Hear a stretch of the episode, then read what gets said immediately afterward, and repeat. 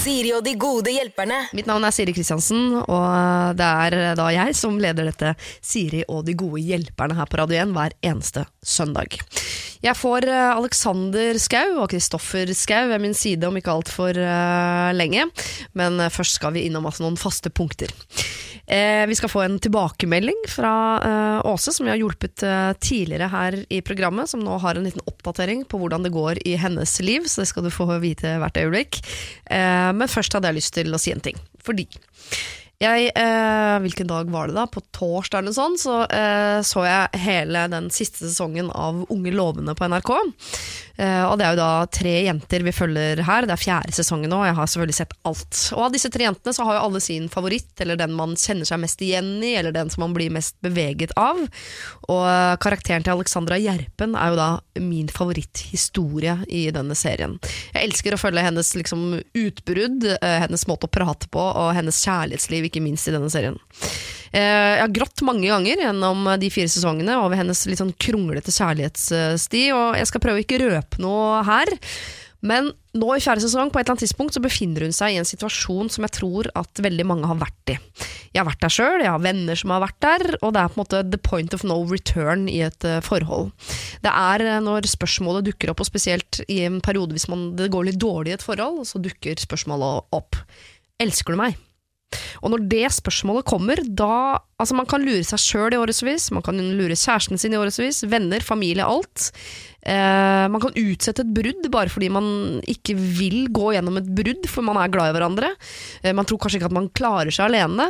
Eh, Man tenker, Vi har jo felles venner, hva skjer med de? Hva med familien hans som jeg har blitt så glad i? Hva med leiligheten vi bor i? Hva med tryggheten? Klarer jeg meg alene? Eller forsvinner jeg opp i atmosfæren? Eh, Etter hvert begynner man å tenke på hva da? Vi har jo sagt at eh, vi skal elske hverandre i gode og onde dager. Hva med barna? Videre. Men hvis dette spørsmålet kommer på et tidspunkt, altså elsker du meg? Så er det helt umulig å ljuge. Tro meg, jeg kan ljuge. Jeg har ljugd mye, jeg kan se folk rett i øynene og ljuge. Jeg kan si ting med den største selvfølgelighet. Men det spørsmålet der, der går det faktisk ikke an å ljuge. Min store ungdomskjærlighet sluttet sånn. Elsker du meg? Og jeg klarte ikke å svare. Jeg ville ikke svare nei, men jeg klarte ikke å svare ja. For det stemte ikke. Og det skal ikke mer til enn den lille pausen der. Så vet han eller hun som har stilt spørsmålet 'elsker du meg', at her er det noe som ikke stemmer. Så spørsmålet 'elsker du meg' kan være et fantastisk spørsmål. Det kan være et forferdelig spørsmål, og det kan være et spørsmål du ikke vil vite svaret på. Så både å få spørsmålet kan være vanskelig, og det å stille spørsmålet også kan være vanskelig. For ofte, tror jeg, hvis du tenker at jeg stiller det spørsmålet her nå, så er det fordi du allerede vet at noe er galt. Ah, jeg tipper det er mange av dere som hører på, som har fått det spørsmålet en gang, eller stilt det spørsmålet en gang, og det kan utløse altså enorme fysiske reaksjoner. Og den sitter i kroppen min uh, ennå, etter å ha sett uh, fjerde sesong av Unge lovende, så det anbefaler jeg uh, å se. Hvis ikke du er for skjør, da syns jeg du skal vente bitte lite grann. Siri og de gode hjelperne. Og straks får jeg altså uh, mine to gode hjelpere på plass, som i dag er Alexander og Kristoffer Skau. Men før de kommer, så uh, tenkte jeg vi skulle lese en mail som jeg har fått fra en uh, som heter Åse, som fikk noen gode råd av oss for noen uker siden. Da var det Solveig Kloppen og Kåre Magnus som var mine gode hjelpere. Eh, og det Åse trengte hjelp med, var rett og slett eh, Hun hadde en samboer eh, som hadde en jobb. Hans familie hadde, var alle i jobb. Selv var hun student. Men denne familien hadde en tendens til sånn, de skulle en tur til Syden blant annet. Eh, som medførte reising og opphold. Og fordi alle de andre hadde jobb, så var det liksom herregud, dere trenger ikke å betale noen ting. Alle betaler hver for seg. Eh, og så står jo da Åse der igjen og tenker sånn, hva da, hver for seg? Jeg har ikke råd til å betale for meg for å bli med på dette.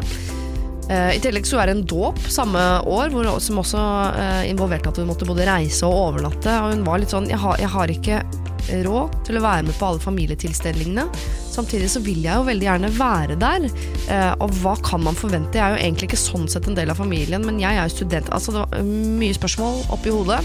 Og jeg tror Solveig, Kåre og jeg klarte å løse opp i noe av det. Du kan i hvert fall få høre på deler av det vi sa. Åh, det her kjenner jeg blir irritert på. Det å være sånn gissel i en sånn derre når man har dårlig råd. Ja. Dette har man jo opplevd før tidligere. Når man liksom, ja, det er utdrikningslag. Ja, det blir bare 3000 per hode. Hæ?! Ja. For å, altså, det er så irriterende, og, det er, og det er dårlig gjort. Og det er jo øh, ja, er, altså Han fyr, han samboeren, må jo da øh, stramme seg på ryggen og si sånn Vet du hva, dette kan ikke hun være med på, eller er, dette er vanskelig fordi øh, hun er student. Kom Ja. igjen, er det tjukke huet? Altså Jeg blir så sint på sånne ting. jeg. Jeg har litt knekta Teddy på det der, men tenker sånn øh, Dette arrangeres i denne familien, de som kan bli med. Ja, men det, men det er nettopp det kanskje hun bare rett og slett må si. Vet du hva? Ja, da, Den ferien Jeg har ikke råd, jeg. Jeg, jeg har ikke råd. Jeg, jeg, råd. jeg får- får utbetalt 4000 i måneden, liksom. Det, er, det går ikke. jeg føler at det ligger et litt ansvar på han her, altså. Ja, Denne Men samboeren. økonomisk, eller sånn Ja, dialog? Ja, ja, Hvis han har en veldig god jobb, så må han jo bare trå til, selvfølgelig. Ja. Eh, og være med å betale gilde. Men, men hvis han ikke har det, eh, så må han si ifra til familien sin. Og Mm. så kanskje de kan sende en melding og si sånn Jeg skjønner at det er vanskelig for deg å være med på det her. Ja. Eh, sånn at ikke hun sitter igjen med dårlig samvittighet. Du er ikke enig, Solveig? Nei. Nei. Nei, ja, nei, jeg tenker at øh, hun øh, bare kan si 'vet du hva, jeg har ikke råd'. Det går ikke. Så, og så er det opp til dem. Så er det deres problem, på en måte. Men er til familien, ikke til typen, men til familien. Ja. Sorry, jeg har ikke råd til å bli Mm. Beklager. Det, Ja. det er sikkert veldig hyggelig, men det, det har jeg ikke råd til. Dette var altså noe av det Solveig Kloppen og Kåre Magnus Berg mente at man eh, kunne gjøre her. Og hvis du vil eh, høre resten, så må du laste ned podkast. Men Åse hun har sendt oss en ny mail hun, hvor det står Tusen takk for mange gode råd. Jeg snakket med min sambo- samboer og forklarte hva dere hadde sagt, og han var faktisk enig. Han syns det er veldig hyggelig at jeg vil bli med når det er hans familie eh, som har viktige ting som skjer, og han syns at han selv kan bli litt mer sjenerøs ettersom han faktisk har ganske god inntekt. Så nå har han sponset flytur til dåp, og han har lovet å hjelpe til sånn at også jeg kan bli med på ferie til sommeren. Tusen takk for hjelp. Hilsen Åse. Altså, ikke for å eh, slå beina under eh, egne greier her, men det er jo Vi har hjulpet, det er det ikke noe tvil om, Åse. Men det er jo du som har gjort noe her. For du gikk til kjæresten din og sa det du sa til oss, og da viste det seg at det hjalp. Så eh, det hjalp jo egentlig ikke å si det til oss, med mindre altså, Det hjalp litt, da, for du fikk jo på en måte lite sånn tupp i ræva, men det som hjalp, var jo at du sa det til han. Eh, Så det er jeg veldig glad for at du gjorde. For Hvis du bare hadde sagt det til oss og hørt på rådene våre og tenkt sånn det var lurt, det var lurt, det var lurt, det kommer jeg aldri til å gjøre, så er vi på en måte like langt.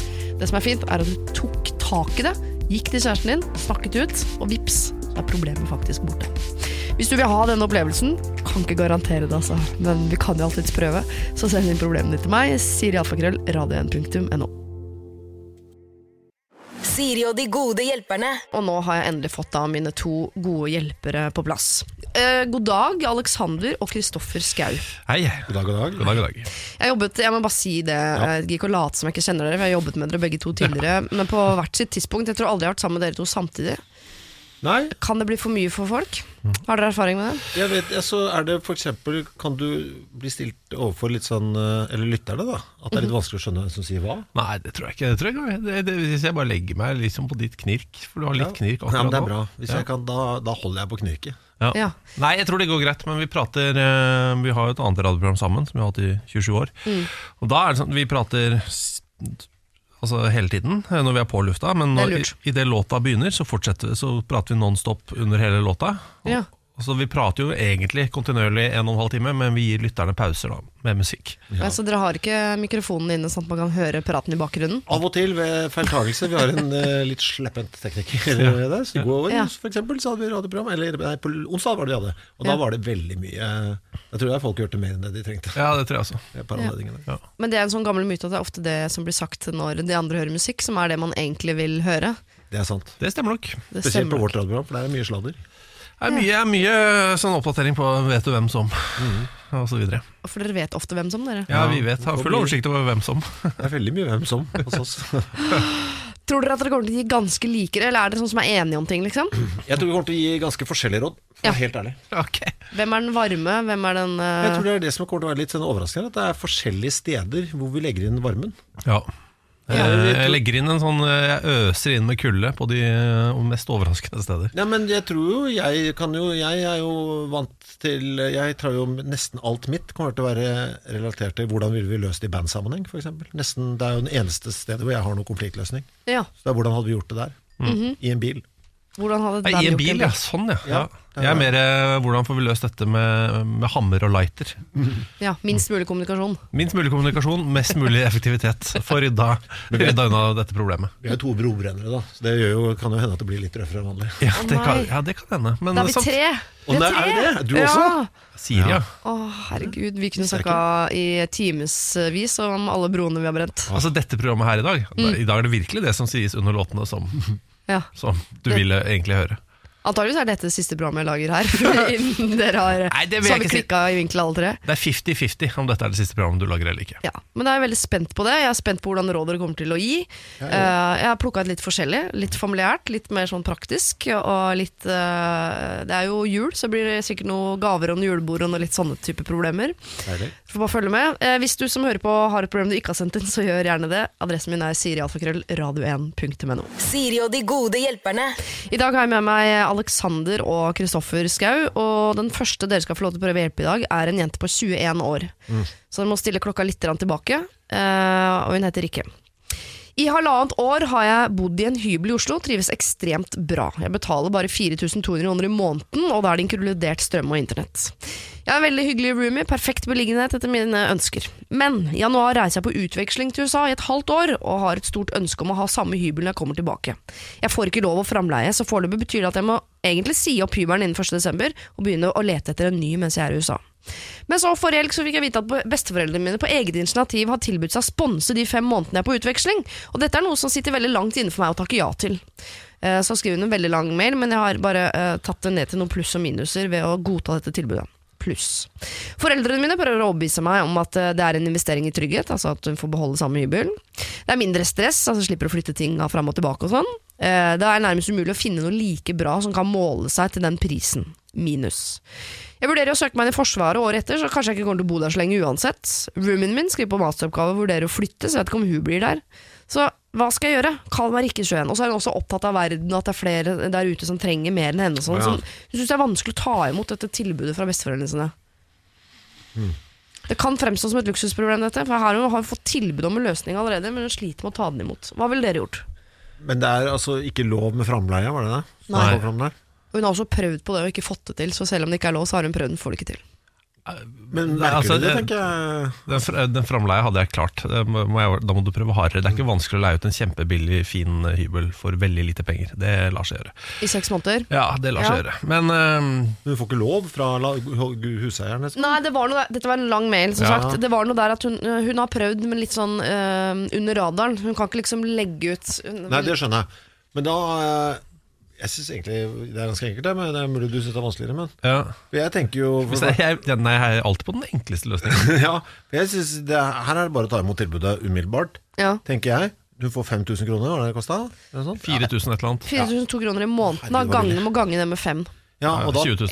21. Ja, 21. noe sånt. Mm. Ja, altså litt sånn eh, For det første, besteforeldrene blir jo glad for De syns jo det er gøy å hjelpe til. Så det er jo, du, du er ikke slem mot de på noen måte. De syns det er dritkoselige ting å hjelpe til med. Ja. Det er ikke sånn at du har sittet og grini Nei. hjemme hos de som Jeg får ikke det. De har vel på eget initiativ sagt 'her er penga'. ja, ja. Og så er det jo sånne hyggelige ting, syns jeg. Du kan jo da altså, Ikke sånn annonsere, men du har jo da en eller annen venninne eller en kompis som er gira på å bo der. Sier du vet du, kan si til vedkommende du kan få lov til å bo her for 3000 kroner. ja. Altså da, og da kan du liksom ha litt kan du bare ta, Ikke bruk de penga, så har du de. Kan du hvis det er det med må gjøre, betaler du tilbake til besteforeldrene dine hvis du har den type dårlig samvittighet. Eller så kan du si til besteforeldrene dine jeg holder dem av, så har jeg som et sånt fors... Eller hva heter det for noe? Forskudd på arv, tenker jeg på? ja. Dere skal jo snart dø snart. Så. ja. Nei, jeg tenkte mer på at du kan ha som et sånn depositum da, i framtida. Liksom, at det liksom holder seg sånn, så penga blir ikke borte. Det skal liksom holde seg til bolig. Ja, kanskje du skal si det, bare for å liksom ikke ha så dårlig samvittighet selv. Si at, uh, kan vi anse det som et lån? At den dagen jeg får meg jobb, så skal jeg betale tilbake? Men at det er et rentefritt lån? Ja, kan jeg få lov til å betale tilbake? Det er Ja. jo alltid, da blir jo herregud som hjertene kommer til å svulme hos besteforeldrene. Altså, men bestem, finn ut Ikke ha det der militære greiene liggende sånn kanskje jeg skal det.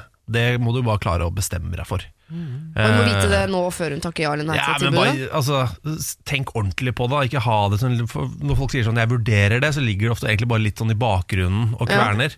Men når du setter deg ned, så må du sette av to dager, da, to hele kvelder, og bare gå gjennom pluss og minus og bare bestemme deg. Eh, Du kan ikke, drive og slu, det kan ikke ligge og slure.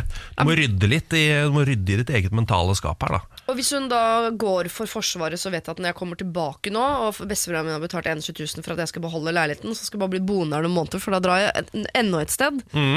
Skal hun fortsatt takke ja til tilbudet? Nei, Da skal hun ikke gjøre det. Nei det syns jeg ikke. Hvis du skal i militæret, så syns jeg ikke du skal gjøre det. Men du må bestemme deg. Det er jo, du er 21, er du ikke? Rikke 21. Er ikke det den alderen man ikke bestemmer seg for noen ting av? Nei, Det er den alderen du må begynne å bestemme deg for ting. Ah, Ja, Det det er er derfor det er så grusomt å være 21. Det er helt grusomt. det. Eneste alderen i livet mitt jeg ikke har likt.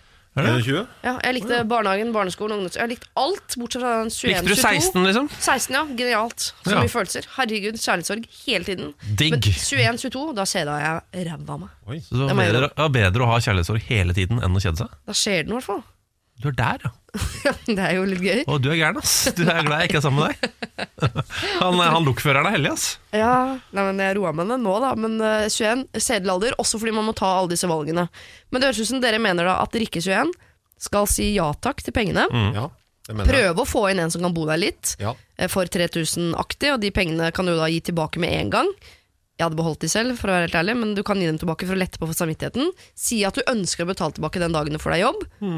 Men hvis du skal i militæret, noe du må sette av to hele kvelder til framover nå, ser jeg ikke for meg at dere ikke kommer til å gjøre, men øh, helst gjør dere ikke. Hvis du finner at du skal i militæret, så glem alt vi har sagt til nå. Da må du flytte ut. Ja, det er egentlig det. For da, Hvis du bare skal bo et sted i fire måneder, så trenger du ikke å betale 21 000 kroner. Eller ta det fra noen gamle mennesker og gi det til noen andre. Altså, altså, da er det jo Da må du flytte hjem i de Ja, månedene eller et eller annet. Da gjør du det. Ellers så kaster du penger i dass. Ja. Opplever du nå som programleder at det er lett å skjønne hvem av oss som tipser om hva? Sånn lydmessig, stemmemessig? Nei, For meg går alt inn i samme bøtta, og så roter jeg litt nedi der når jeg henter opp hvilke lapper jeg vil lese høyt på slutten.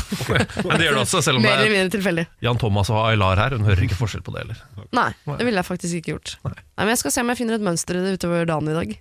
Lykke til. Siri og de gode hjelperne. Mail oss på siri at radio1.no. Ja, har du fulgt med på sjakk? Ja. Nei. Eller Nei. jeg kjenner til uh, hva som har skjedd. Du kjente fenomenet skje? Det er sjakk? Nei, jeg, jeg, jeg vet Jeg har jo fått med meg hva som har skjedd, men jeg har ikke sittet og sett i sju timer. Det har jeg ikke gjort. Jeg har, jeg har det. Du har det. Jeg har sett nesten, nesten hvert eneste minutt. Ja, Forskjellen her er vel at uh, du Alexander har barn, mens du Kristoffer har bare kaniner. Ja. Ja, Lever de fortsatt? Ja da, alle fire. Alle fire er det blitt nå! Shit, ja. stadig De Ja. fordobles hver gang jeg spør. Ja da. Veldig gøy. Veldig gøy. Er de familie, eller driver du og kjøper nye? Nei, de er ikke familie. De er, nei. nei da, de er det er- separate. Det er jo en sånn adoptivsøskenflokk, da. Ja, altså, det det, er det er jo er. fosterbarn, da. Ja, det er de. Det er Ja, sant. så du samler familien. Det er hyggelig, da. Når skal Magne barbere ræva? Magne skal barbere ræva allerede på tirsdag.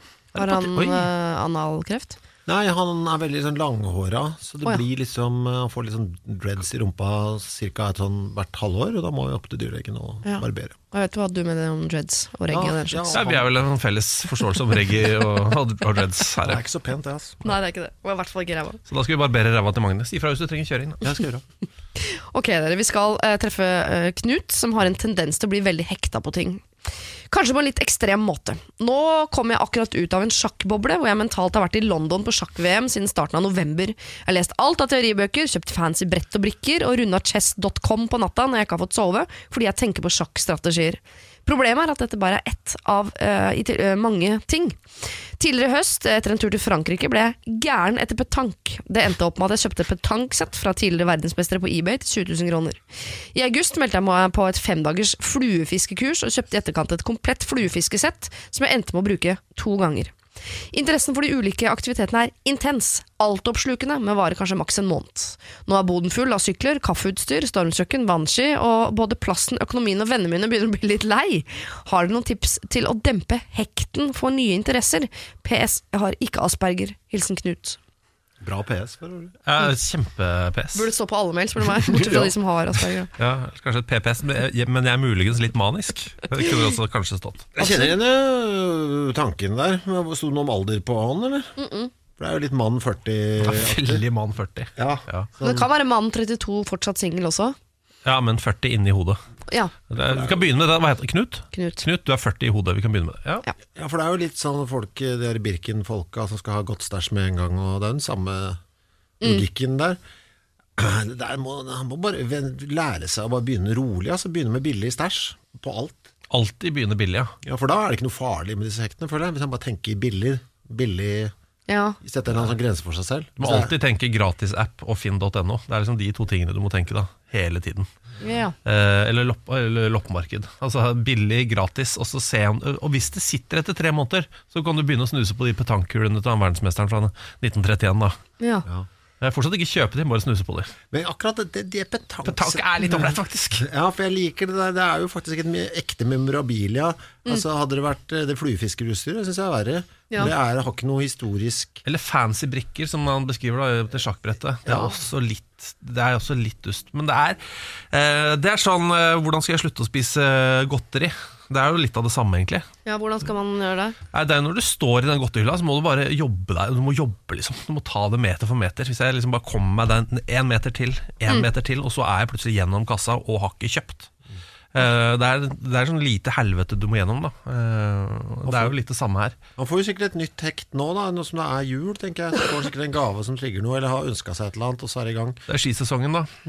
Det er gøy å kjøpe gaver til han. Du kjøper sånne ting som vet at dette her kommer til å åpne opp en verden for han hvor han blir ruinert. Kommer til å Ja. sitte som en kule. Men er det ikke det, da? Å sette en sånn tidsfrist på seg sjøl? Da burde du kanskje ikke sette den til en måned, da, men sette den til to måneder, f.eks. Si tre, tenker jeg. Ja, tre. Ja. Ja. Må ha det. Jeg kjøper eh, dette, et bruker, sånn begynnersett av hva enn det er du driver med, Mm. og så må du vente i tre måneder. Bare sette på en alarm på klokka. Fordi lidenskapen her må jeg innrømme at jeg er litt misunnelig på. At jeg, jeg, liker, jeg in, liker greia hans. Det er bare synd med de pengene. At det går utover økonomien. Uh, men det at han går all in i fluefiske, og så går han all in i petank vil jeg si På slutten av visa her så sitter han igjen med ganske mye kunnskap og mye rare ting. Han høres ut som den perfekte mannen å havne ved siden av. På flyet, ja. Ja, for eksempel, fortelle, fortelle alt om petank, sjakk, fluefiske. Det, det er en veldig spennende fyr, tenker ja. jeg. Ja, men altså, Luksusfellen kommer og tar deg, da, Knut. Eh, Det høres ut om et års tid, hvis du fortsetter sånn. Eh, Ja, Men det gjør det jo. Ja. Eh, og det der, ok, det vinters petanksettet Det er vi litt misunnelige på, men sånn fancy brikker og sånt til sjakken og fluefiskerutstyr Det er ikke sånn at du må kjøpe det nå. Det er ikke sånn at det blir borte. Jeg skjønner at det petanksettet til han verdensmesteren Det er kanskje noe som noen andre vinner en budrunde på.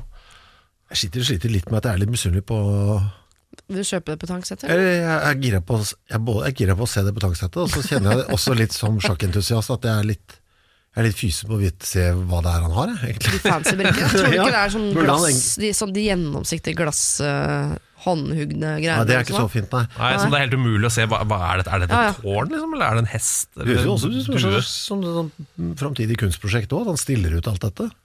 Hobbyer jeg, hobbyer jeg hadde, som en liten sånn Jeg hadde dratt på det nå, ja. Ja, ja. Det er også en TV-serie, så hvis du er veldig utadgående, bare tenk litt på det. Hoarder-serien, mener du? Ja, den, Ja. ja. De er ikke så flinke til å stille ut, bare. De sliter med finessen på utstillingene sine. ja. Men kanskje han også kunne, hvis, eh, hvis man skal kun ta tak i det økonomiske her, for resten av pakka liker jeg, for å være helt ærlig, Mhm. eh, at han aldri får lov til å kjøpe utstyr før han har solgt utstyret fra forrige dille, liksom. Det er sant. Så når du har solgt betanksettet, så, settet, så for all del bruk de pengene på fluefiske. ja, men da vil det jo bli eh, mindre og mindre penger, da. For han vil jo aldri få igjen det han legger ut. Ja, men det er hobbyen hans, og hobbyen koster penger. Uh, hvis du har råd til akkurat den delen, så er det greit. Men jeg mener at en tremånedersregel er eneste vei, da. Ja. Jeg kjøpte Eh. en kvist til 600 kroner i går, som jeg kommer til å ha i to uker. Skjønner du? Ja, En kvist. No, en kvist, ja. Ja. Det er riktig. Så noe, altså et sted skal pengene renne ut, tenker jeg. Så at eh, det forsvinner må, litt i da må du først kjøpe en kvist, kvist til 40 kroner. Og så se om dette, dette kvistgreiene er noe for deg. Og så kjøper du en til 600 kroner etterpå. Ja. Dette er veldig fornuftige råd, eh, Knut. Du må begynne i det små. Du må kjøpe billige ting først, og se om interessen varer. Og så er vi litt misunnelige på lidenskapen, og vi har lyst til å se alle tingene du har kjøpt. Vi har litt lyst til å se den utstillingen med alle tingene du har kjøpt til nå. Eh, den fløyen med ting du kjøpte etter at du hadde fått råd av dette programmet, så det bare er sånn billig drit, den trenger vi ikke å åpne. En nettside også hadde holdt, ass, for meg. Hva da? En nettside? Ja, med alle greiene. Ja, ja. Ja. Knuts blogg. Start en blogg, Knut. Kan ikke det bli din neste dille? Knuts hobbyblogg. Ja. Høres veldig bra ut. Her ser vi muligheten for å tjene penger istedenfor å miste penger. Og uh, hold på lidenskapen. Fortsett å uh, gå helt all in i ting, men bare ikke bruke opp alle pengene. Siri og de gode hjelperne. Vi skal uh, prøve å hjelpe Milla, hun blir ikke gravid. Eh, vi skal ikke hjelpe henne rent sånn praktisk med det, så vidt jeg vet. Hun har sendt en lang mail hvor hun eh, lemper ut sin frustrasjon over å ikke bli gravid. Um, hun skriver Å, jeg ble så sint og frustrert og lei meg. Jeg syns det er for vanskelig. Jeg skulle ønske jeg slapp å drive og prøve hele tiden. Jeg skulle ønske jeg bare var en sånn person som kunne slutte med prevensjon, og så bare var jeg gravid. Uh, men jeg er ikke en sånn person. Hvordan kan jeg bli en sånn person, spør hun. Det vet Så det spørsmålet tar jeg ikke med videre, for det vet vi ikke. Nei. Sånn person er man bare. Men hun har en spesiell utfordring nå, som jeg tenker at vi kanskje kan mene noe om.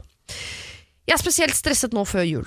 Vår neste prøveperiode kommer til å være mens vi er på besøk hos svigers. Det kommer til å være vanskelig å ha sex der, fordi det er en liten og litt hybel. Jeg vet at jeg kommer til å være overopptatt med når og hvor og hvordan vi kommer til å få det til mens vi er der. Skal jeg prate med mannen min om det, slik at han vet at det muligens er vår siste prøvesjanse nå på noen måneder, eller skaper det bare stress og press? Jeg syns det eh, dette med planlagt sex er så veldig vanskelig psykisk. Det er rart å skulle ligge sammen av andre grunner enn at man har lyst. Eh, hjelp, hodet mitt er overtenkt, jeg vet ikke hva eh, jeg skal gjøre, hvordan jeg skal skru det av. Oppsummering. Hun skrev en egen oppsummering. Å, det var deilig. Hvordan kan man ha planlagt sex uten at det blir stressende? Uh, og uten at jeg skal slutte å være meg, og på toppen av dette skal det også foregå da hos svigers. Kan jeg skyte, for jeg, jeg skjønner ikke helt opplegget. Jeg kan ikke dette er godt nok. Jeg. Nei. Er det, går det månedsvis imellom hver gang det er teknisk mulig? Det er jo sånn det blir lagt fram her. Uh, ja, det kan det fort eh, Jeg har ikke satt meg ordentlig inn i syklusen hennes, men det er i hvert fall lenge mellom hver gang hennes lille duppedings viser at nå er det fruktbar, her må det skje ting. Men altså, med, altså opp, Vi snakker to måneder, liksom? Altså, det er seks ganger i året som kan være en option? Er det så Ja. Er menneskelaget så klønete? Nei, ikke alle mennesker. Stort sett er det jo noen timer hver måned hvor man kan bli gravid. Eller opptil et døgn, tror jeg. I Ja, liksom. Men per måned? Ja, Det er egentlig bare én måned pause det er snakk om her. Ja. Ja, ja, men det er jo to måneder til neste gang. Altså, det blir jo da februar, da. Men du hopper jo bare over én gang. Altså, over, ja, men da, har du, er det jo, da blir det jo fire måneder mellom totalt. Altså, de Ja, siste Hvis det er bare annenhver måned, ja. Ja, for det er det jo på henne. Ja, Er vi sikre på det? Ja. Ja. Ok, ja, ja, ok, greit. Uh, så da blir det liksom tre Ja. Eh, en gang mindre i Hoppe året. over jula, og det er ikke, sant, ikke for å gjøre problemet større, men det er noe forhold til når du blir gravid, forhold til når du føder, forhold til barnehageåret, og når du begynner på skole osv. Det, det, det tror jeg hun driter ganske hardt i. Ja, ja. Der er det bare prego uh, no matter what. ja. Hun vil bli gravid, men hun vil, at, uh, hun vil ikke ligge med noen fordi hun må, og vil helst ikke ligge med noen hjemme hos svigers. Nei, det, det siste der er jo det som er lettest å forholde seg til. Hvordan du skal ligge med Var det hun mannen hennes? Var det? Ja. Ja, så hun er gift. Han er innforstått med dette. Jeg tror han klarer det. Ja. Dette ordner seg øh, for han. Øh, sånn Rent sånn teknisk tror jeg dette lar seg løse. For er det verre for henne at svigers hører, enn at han, at foreldrene Nei, nå tenker jeg mer på Hun snakker om det bare å ha sex for å ha sex, for å bli gravid. At det ikke er noe gøy i det, men at det er mekanikken i det. At ikke det er sterile, og god musikk og alt det greiene foran? Ja, Skjønner. eh, det tror jeg går greit for han. Så Ja. det, den jobben må du gå med mm, hos deg sjøl. Men Mhm. det er jo den flauheten av å ha seg hjemme hos svigers. Ja. For det er jo et mareritt å tenke på. Det er jo avskyelig å tenke på. Mm. Det er som å se foreldra sine kline. Masse tunge over Det er juleribba. ålreit òg, men det er litt rart. Nei, Det Ja. er, det er kjempeålreit. Det har jeg aldri sett. Nei, ikke heller. Ikke jeg heller. Er du sjuk i huet? Men eh, eh, Nei, da må du Jeg tror du bare må investere noen penger, jeg, da I, i et hotellrom ja. som dere leier i eh, si tre dager, har et hotellrom stående i tre dager, og så må du, siden du da er svigerdatter, den Mm. som de kjenner minst, så må du si du, det er en venninne som er på besøk. Borti, borti her, borti der. Og så, eh, Det er jo ikke det. Og så drar du da på dette hotellrommet som du har booka i disse tre dagene, og så har du deg med mannen din. For å treffe dette lille vinduet hvor du kan bli gravid. Men kan man ikke, hvis nå vet jeg ikke hvor disse svigerforeldrene bor, da, om det er noen hoteller der, om de er oppe i jula og sånn, men si sånn, fordi det er så liten plass her og sånn, eh, så tenkte vi at vi, eh, vi er her hver eneste dag og spiser frokost og alt sammen, men vi sover på hotell. Fordi altså, Skryte på noe migrene, altså et eller annet mm. dysfoni eller eh, et eller annet. Ikke dysfoni. Hva er misfoni? Misfoni, ja. Kjempe... Har Hva er dysfoni da? Høres ut som fuktbetinget opplegg. Samme av det, Uh, hvis det er et hotell i nærheten, syns jeg det er en veldig god idé. kan man altså se på Boris Becker, da, nå som plutselig ble far mot sin vilje her. Ja, på bakgrunn av på en liten sånn eh, incident. eh, Det var vel i et vaskekott på et hotell? Ja, og den kvinnelige skjede var ikke involvert i den originaltransaksjonen overhodet. Men var det ikke det? Nei, nei, det var snakk Altså om Sølan, og så er det noen som plukka det opp? var opp og noe, det var noe spytting i, noe, i et rør og noe, en, en overføring. Det var ganske mye teknisk eh, Men de, når, det, Når han får det til. når det Ja. gjøre, det var jo mot hans vilje til og med. Så men her finnes det en eller annen Jeg tror det en veldig pragmatisk løsning med noen trakter og noen containere som holder riktig temperatur. Ass. Dette kan du løse på forhånd. Og helt at han skal uh, kose seg før de drar til svigers, så hun har med det på ja. små glass og en kjempesprøyte fra apoteket? Det er akkurat det jeg tenker. Eller han kan ta seg en lengre dritepause i veldig store gåseøyne. eh, hvor han gjør dette, hvorpå hun skal bare gå opp og skifte litt, hvis du skjønner. Mm, så Ja. Og ta seg, ta seg en lur på en time. Uh, Og da er det, da er det trakt og sånn derre sånn Melis pyntepose og full Ja. pakke, da. Ja. Jeg tror det var på ordentlig. Ja, men det, eh, det har ikke jeg tenkt på, for jeg vet jo at folk blir gravide på den måten, med Mm. eh, sånne s- store engangssprøyter fra apoteket osv. Men det, eh, i den perioden man driver og ligger sammen bare for å bli gravide, Mm. burde jo gjøre det. Ja, er hvis du da Hele syns- Nei, Du kan gjøre det på andre måten hvis du har lyst til det, da. Ja, ja, ja, men det er mange som har fått ødelagt lysten fordi de i månedsvis Ja da. bare har ligget sammen fordi de må. Eller så har Nettavisen alltid en sak om et eller annet eh, par som da bare bestemte seg for å ha sex hver dag i fire år. Og så, Det Ja. finnes bla. sånne der teknisk sånne rugekasser og sånn, som holder sånn rette temperatur for egg og sånn. Hvis han bare til enhver tid har en del glass stående oppå der, Ja. så kan hun når eh, hun tenker, eh, får en sånn hint på den appen om at nå er det tide, bare gå og plukke. Ta seg en shot nedentil. Ja. nettopp.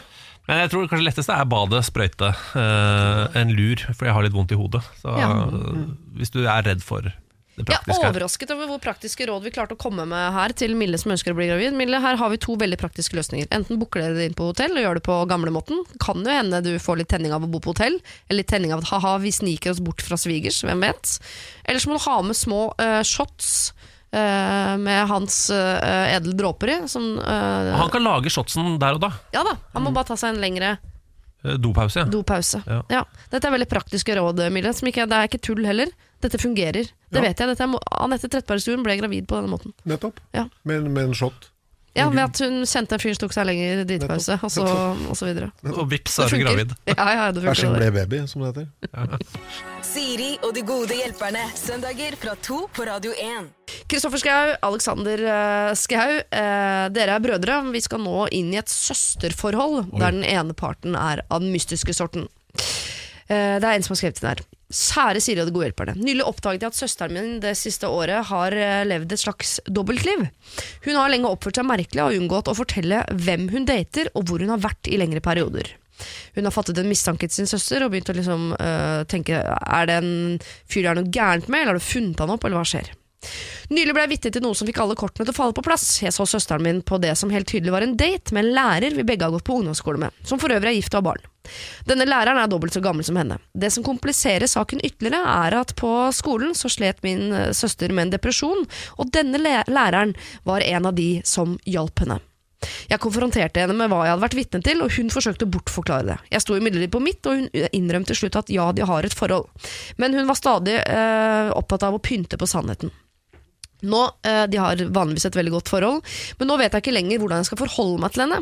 Jeg er den eneste som vet om dette forholdet, jeg syns det er vanskelig å bære på hemmeligheten. Jeg er sint og skuffa over at jeg måtte oppdage dette ved en tilfeldighet, og at hun selv, etter at jeg konfronterte henne med det, ikke klarer å være ærlig med meg. Jeg syns det er egoistisk av dem begge å opptre på denne måten når han har en familie. Og Dessuten syns jeg dette er misbruk av den autoriteten og tilliten han har bygget opp som hennes lærer og støttespiller. Det er dessuten tydelig at denne hemmeligheten tærer på psyken hennes. Jeg opplever den situasjonen som uutholdelig fordi familien vår er bekymret, men jeg har lovet henne å ikke røpe hva dette dreier seg om. Så spørsmålet mitt er, hva gjør jeg i denne situasjonen? Dere kan kalle meg Kari. Altså Skal Kari øh, fortsette å øh, bære på søsterens hemmelighet? Skal han fortelle det til familien, eller hva skal han gjøre her? Jeg som tenkte også lett det var å sitte her i dag, så lette, så, så lette og greie et spørsmål det var å forholde seg til i dag. Ja. For et nydelig Nå ble det plutselig vanskelig igjen, ja. Hei, hva tenker du, brorsan? Nei, dette synes jeg var vanskelig. Um, det, det er jo så Hadde du vært yngre, så hadde det vært ulovlig. Ja, Hva er alderen på disse her? Har vi noe, fikk vi noe alder her, eller? Fikk ikke det, generelt skjerping på det, folkens, dere som sender en mail. Det hadde vært greit å vite sånn cirka hvor gamle dere var. For Hvis du er 40 og han er 80, på en måte, Så er eh, ja, da er det greit. så er det på en måte ja ja, da får vi nesten la dette her eh, spille seg ut. Men hvis hun er Jeg tipper 2040. Ja, det er det jeg også tipper. ja, da, blir det jo, da er vi fortsatt i grenseland ulovlig, egentlig. Det er vanskelig Det begynner å bli litt vanskelig, ja. Men det, noe kjefting her kommer du ingen vei med. Nei. Det, det gjør du i hvert fall ikke. Nei. Det er jo søsterens liv, hun kan jo på en måte gjøre hva hun vil, men om hun vil være sammen med en mann som da er utro, sånn, det må hun få lov til å holde på med. Jeg tenker at Det som er det store sviket til søster her, er jo at de har mista liksom fortroligheten, og at hun nå må være med å bære på den hemmeligheten. Og det med det psykiske aspektet. Ja, Å være med å holde på hemmeligheten er litt slitsomt, selvfølgelig. Men eh, her må du bare være grei, ass, og si at vet du, jeg syns ikke dette er så jævla kult, jeg, men eh, Og hvis dette blir veldig rart, så skal jeg hjelpe til. Ja, eh, aktig. Men det er jo fort gjort at dette blir veldig rart. For det høres jo ut som en eh, fyr som ikke har planlagt å satse på henne med det første, sånn sett fra utsiden. ja, hvis han har kone og barn, og det virker, lukter jo ikke eh, langtidsplanlegging fra hans side, dette her. Historien tilsier at det, det der ikke går eh, Tall- Statistisk tall- sett. Ja, Tallmaterialet taler jo mot at dette er et forhold som varer i mange år. Ja. Hvis ikke han ble veldig, veldig De kan jo ha blitt veldig veldig forelsket i hverandre. Ja, det det. Ja. Men kan du kan, Kari, hør du? Mhm. Kan han jobbe fram bare, en bare ta en prat med søsteren sin en gang til? Om, er det mulig å bare få lagt fram dette her på en litt sånn Du behøver ikke fortelle alt. Mm. Men kan vi liksom si at du har en kjæreste? Altså, kan vi bare komme fram til det sånn at det, er liksom, at det ikke må ljuge? Jeg bare behøver ikke fortelle hele sannheten. Mm. Skjønner du hva jeg mener? Ja, ja. Altså han ja, er sammen med en fyr, han er litt eldre sånn, synes, altså, at, den er, at det er litt flaut Bare sånn at du kan si det Sånn at du liksom ah, får litt pusterom da ja. Det er jo det du ikke- trenger da Hvis søsteren skal åpne seg opp for Kari, så må jo Kari på en måte stille med eh, I hvert fall late som de ikke har så mye fordommer og er så sint, for da har jo ikke søsteren lyst til å Men det kommer jo aldri til å ha noe med det å gjøre. Nei. Kan ikke tråkke sint inn i situasjonen nei. nei. Men det var deilig Det høres ut som du synes det var deilig om hun bare kunne få litt, sånn, litt luft inn i dette her Eh, At går an å lufte rommet Så det ikke stinker så fælt Ja. Så bare kan vi bli enige om hva jeg kan si Kan jeg liksom si noe, noe som er sant Men Mm. behøver ikke fortelle hele sannheten Så hadde det vært De veldig må jo sette seg ned og ha en prat om det. Og så Ja. hva, hvordan vil du, om hun og Kari må si til søstera, hvordan vil du at jeg skal si til foreldrene våre at eh, din situasjon er? Hvilken Ja. historie er skal, du få- Det er bedre å være på lag med søstera di enn med foreldrene dine. Ja, for si sånn, jeg, synes er, jeg er ukomfortabel med å ljuge for foreldrene mine, men det er klart at jeg skal være med å bevare hemmeligheten din. Men kan vi komme fram til en eller annen, Men det er jo dele... en eller annen sannhet her som jeg kan fortelle, uten En versjon av virkeligheten som vi kan være enige om. Ja, Ja, altså Du kan si ting som er helt sant, men du behøver ikke fortelle alt som er sant. nei. Og det er jo fullt mulig. Men hvis hun merker at dette tærer på psyken til søsteren sin, da, hvor uh, alvorlig må det bli før hun kan få lov til å, å uh, gå imot det der uh, lovnaden hun har gitt om å ikke røpe hemmeligheten? På et eller annet tidspunkt? Det så må hjelper hun jo- ingenting å røpe hemmeligheten, så det tror jeg hun kan bare blåse en lang marsj i. Ja. Uh, det vil ikke gjøre noen ting bedre i noen som helst retning. Nei. Men hun kan, må jo bare si fra at vet du hva, hvis dette på noe tidspunkt blir rart eller ubehagelig for deg, så må, kan du alltid snakke med meg-aktig. Mm. ja. Det må, tror jeg må være løsninga der. Ja.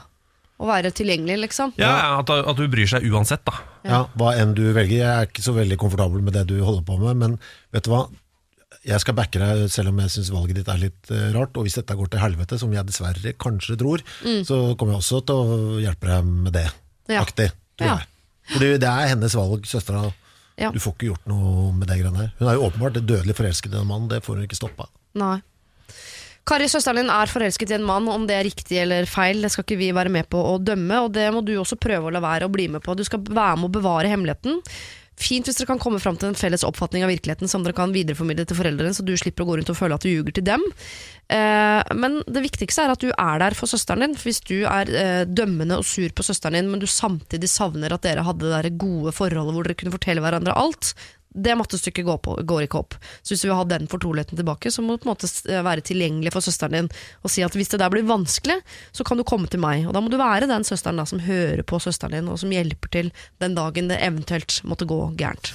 Siri og de gode hjelperne. Søndager fra to på Radio 1. Sitter sammen med Kristoffer uh, Alexander Schou. Og, eh, Kan jeg si noe? Ja. Uh, vi er brødre, Er dere brødre? men vi er ikke familie med Geir Skau. Skal vi bare få sagt det en gang for alle? Ja. Eh, Det er mange som spør om det. Nei, det er vi ikke. Vi er ikke familie med Geir Skau eller Jon Skau. Er det noen andre vi ikke er familie med? Ja, det er ingen andre som har det navnet? Er det? Skal vi, ikke som jeg kom på. Og vi har ikke noe med bryggeri å gjøre heller. Nei. Nei. Og dere bor ikke på Skaugum? Nei. Nei, men det Men det gjør er- Geir Skau i og for seg, for han, hytta hans heter jo Skaugum. Men jeg syns det er en herlig ironi i at eh, butikken Store Sko ligger på Skaus plass. Det syns jeg faktisk. Som en stor, eh, storfotet mann. Tror du det er en uh, subtil hyllest til dere? Jeg vet ikke. Jeg er ikke så gæren, jeg er bare 45,5, men du er jo 50 Ja. i sko.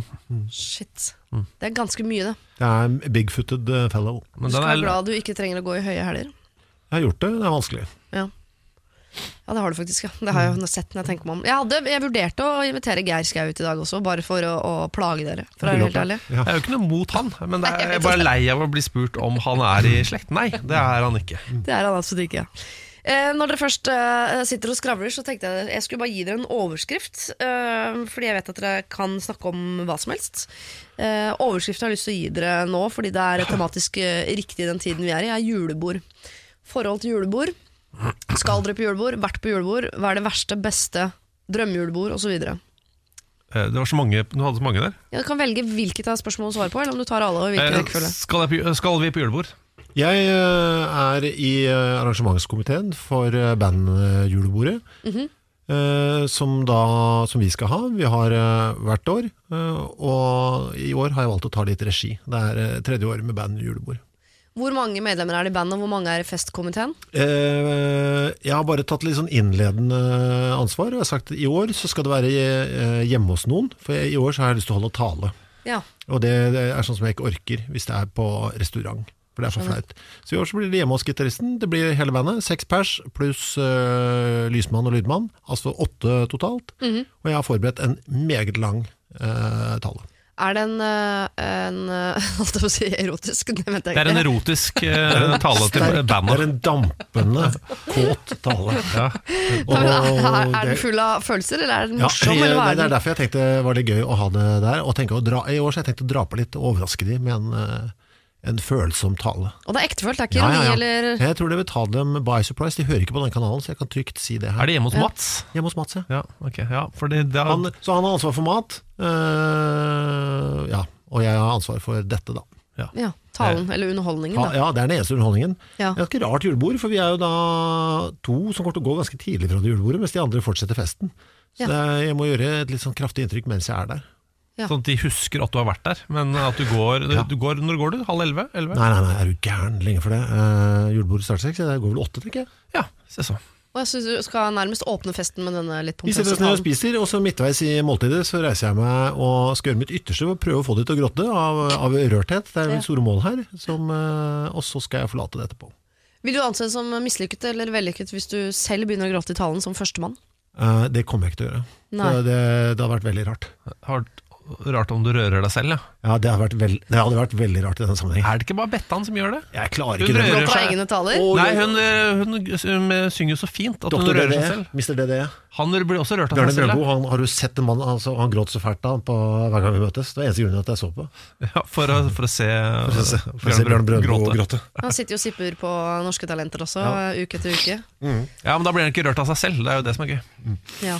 Men du da, Alexander, skal du på Hva er ditt forhold til julebord? Det er ikke-eksisterende. AS-et ditt skal ikke ha julebord. Nei, jeg, jeg, jeg, kanskje jeg burde gjort det. Eh, bare, ha- det, det er jo bare meg, da.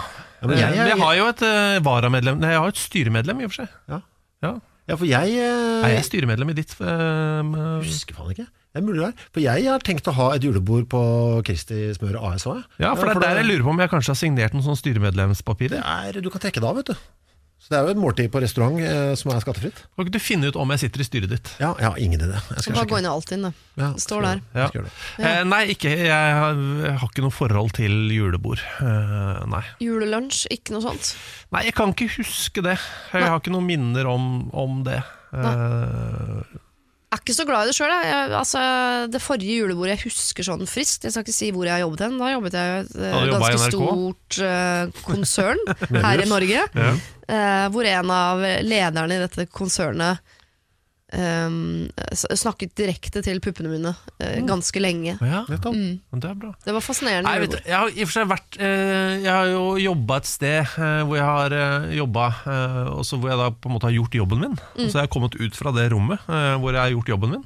For, la oss kalle det et radiostudio. Hvor jeg da kommer ut til plassen min, så er da min, eh, min kontorplass Der sitter det da en økonomiansvarlig og spiser grilla kylling.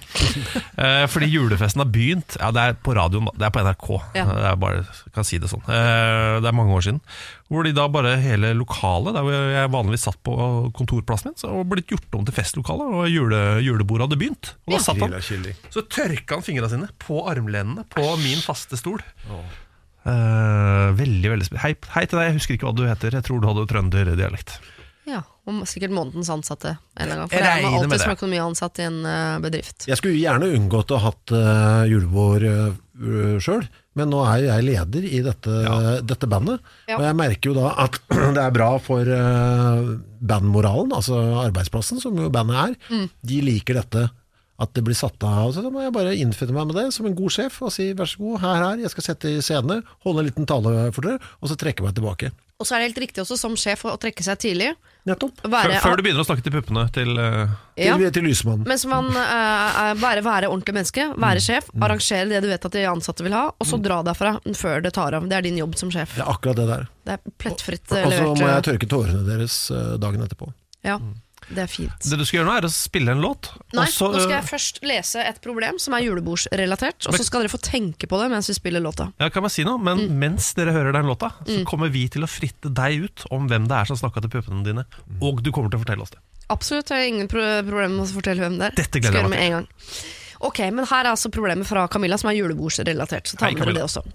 Jobben jeg er ansatt på, hadde julebord forrige helg. Jeg er ganske ny, men trives veldig godt. Alt gikk veldig fint for seg, men på slutten opplevde jeg noe som jeg trenger hjelp med å skjønne. Da kvelden nærmet seg slutten, bestemte jeg meg for å ta taxi hjem. En kollega jeg liker veldig godt, og som jeg har samarbeidet mye med i prosjekter, spurte om vi skulle ta taxi sammen, siden vi bor et par kvartaler unna hverandre. Jeg tenkte at dette er jo veldig naturlig og økonomisk. Da vi kom fram til min adresse og jeg skulle til å åpne bildøren, så strakk han seg over meg og holdt igjen døren. Jeg ble litt forvirret og satt ut. Så sa han du får ikke gå øh, før du, og så pekte han på kinnet sitt. Jeg ble enda mer forvirret og satt ut, men tenkte at her må jeg bare komme meg ut av situasjonen. Men det, det jeg skulle kysse han på kinnet, så snudde han hodet slik at det ble på munnen. Jeg kom meg ut av taxien og kjente meg veldig lei meg. I ettertid har jeg skammet meg skikkelig over at jeg var så naiv da jeg delte en taxi med denne kollegaen hjem, og har unngått litt eh, alt og alle på jobb. Jeg kjenner at jeg er livredd for at noen skal få vite om hendelsen og at ryktet mitt ble ødelagt. Hva skal jeg gjøre? Overdrive? Det var bare et kyss. Tilleggsinfo. Han er godt likt. Etablert mann, starten av 40-åra, som akkurat har fått sitt andre barn. Jeg, slutten av 20-åra, har samboer og har det veldig bra. Kjæresten min vet ingenting. Takk for all hjelp. Camilla. Dette skal vi tenke på mens vi hører Maroon 5, og dere skal få vite hvem det er som snakker til puppene mine. Dårlig låtvalg. Takk. Siri og de gode hjelperne. Camilla har vært på julebord, og på vei hjem tok hun taxi med en kollega som eh, tok det gode trikset 'du må kysse meg på kinnet før du går', og det du skal til å kysse på kinnet, så snur man seg, og så blir det på munnen. Camilla har samboer. Denne mannen er en fyr som akkurat har fått sitt andre barn, er i slutten av 40-åra, og hun uh, syns nå det er bare helt nærmest litt vanskelig å gå på jobb, og lurer på om hun overdriver. Det var jo tross alt bare et kyss. Hva skal hun gjøre? stiller hun da spørsmål til uh, meg, Siri, og da til Kristoffer Schau og Alexander Schau. Hva syns vi Camilla skal gjøre her? Eller skal vi begynne med det? Overdriver hun? Nei. Nei. Eh, det gjør du ikke. Eh, da er det den gode gamle som en psykolog ville fortalt deg. Eh, hvem er det som har gjort noe gærent her? Ville psykologen først spurt. Oh, ja. Hvem er det som har gjort noe galt her? Er det du eller han som har gjort noe galt? ja. Og svaret på det er Han. ja. Vi er alle enige om det. Ja, ja, ja, Vi er enige om at det er han som har gjort noe galt. Og Ja. da eh, skjønner du at da skal du ikke ha noe skyldfølelse. Nei. Altså, den, den skal du ikke ha. Den skal være ikke-eksisterende. Eh, jeg vet at det er vanskelig å ikke ha skyldfølelse, men det skal du ikke ha. Han, han er rasshøl, han har gjort noe gærent. Du har ikke gjort noe gærent. Det rettferdige er vel at ikke Camilla sitter igjen med noen vonde følelser i det hele tatt, egentlig. Ja, altså Den vonde følelsen er da interaksjonen med han og det en tanke på å fortelle Eller hva skal du gjøre på arbeidsplassen. Ja. Eh, Jeg skjønner at det sliter, men akkurat den derre 'å, jeg gjorde noe gærent'-følelsen, den skal du ikke ha. Du Nei. har ikke gjort noe gærent. Har man frigitt Mace? eh, Her er det bare Danmark som har gjort det. Hva tenker du på? Altså tåregass? Pepperspray? Det bare, eh, kanskje det blir vanskelig i en taxi, forresten. Jeg tenker meg. Det er vanskelig i en taxi, Det er dårlig stemning. Ja, det er en sjåfør foran der òg. Ja. Ja, de jobber, jo sammen. de jobber jo sammen nå, da. Hvert Ja, eneste dag. ja, men det er klart det blir litt rart igjen hvis du går inn på kontoret hans og meiseren. Men det har vært så nydelig situasjon uh, i bilen. Jeg har bare sett Det var så deilig sånn Idet det skjedde, sånn han snuska til seg den, og så bare dra opp av veska og meise Ja. Det blir Eh. Jeg ser det. jeg ser det. Jeg Jeg liker jo, er jo stor tilhenger av eh, små hevnforsøk. Og tenker at hvis hun bare eh, vil få tilbake den gode følelsen, den følelsen av Da har jeg eh, tonn av tips. Ja, At hun bare kan ta noen sånne små hevner herregud. på han eh, ja, ja, ja. framover nå, for, for å føle seg liksom på høyden igjen. Du, det er faktisk en kjempegod idé, eh, for å være helt ærlig. For å føle at man er i pluss. Mm. Og hvis han finner ut at det er du som gjør det, så kan du bare si ja, men eh, et eller annet må jeg gjøre for å komme à jour, liksom. Når du Ja. er rasshøl, så er jeg rasshøl tilbake. Ja. Der, har jeg, altså der, der kan jeg komme med 100 gode tips på hva du kan gjøre. Kan få topp tre. Eh, ja, et sånn grunntips, for, for det første. Så finnes det masse Det er masse grunntips, ja. ja, Grunntipset mitt er egentlig uh, gå på internett. Uh, det fins veldig mange gode håndbøker der ute. Eh, Don't Get Mad, Get Even, som er for eksempel en veldig god håndbok i, i hevn. Som yeah. jeg anbefalte mange. Det er nesten som en slags sånn revenge for dummies, da. Ja, på en ja. måte. Bare at den er litt hissigere. Ja, og så har, altså har han et eget kontor, så er jo mulighetene endeløse. Eh, er jeg, er veldig glad i uh, svinekoteletter bak bokhylla, f.eks. Ja. det er helt umulig. Sånne lange, svære bokhyller. Ja, hvis han har eh, hvis Blåmuggost bak, eh, bak eh, Hva for noe? Blåmuggost bak eh, ovnen. Men noe du kan gjøre som er veldig enkelt, er hvis han har bilder hengende på veggen. Ofte så er det eh, bilder med Hvis han har et kontor, da. mm. så er det sånn tråd bak på bildene som du bruker til å hekte på ja. spiker og sånn. Henge reker. To Ja, ja, reker, ja, bare ja. henge det på den tråden. Fantastisk hevn, eh, hevntips, for det lukter eh, Det lukter umulig, som, eh, som, en, som en gammel gymlærer sa til oss da vi ikke hadde skifta gymtøy. Det lukter umulig av dere.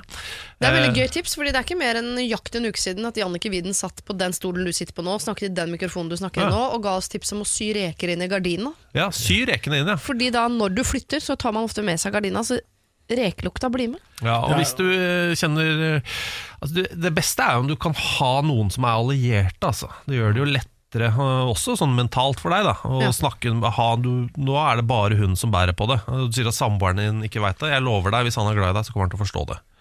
Eh, Ja, så du mener at Camilla kan fortelle dette hjemme? For hun har, ikke, hun har ikke, Nei, hun har ikke hun har ikke tråkket over, tråkket over noe som helst nei. det er jo det er jo dette rasshølet. også. Det er, det er fint om han er litt behjelpelig også. Ja. I hevnprosessen. For det jo godt, Man trenger jo en mannestemme for å utgi seg for å være mann. Ja. Når man skal gjøre alt det gøye man kan gjøre via telefonen. Som å sperre bankkort og holde Ja. på med alle de tingene der. Ja.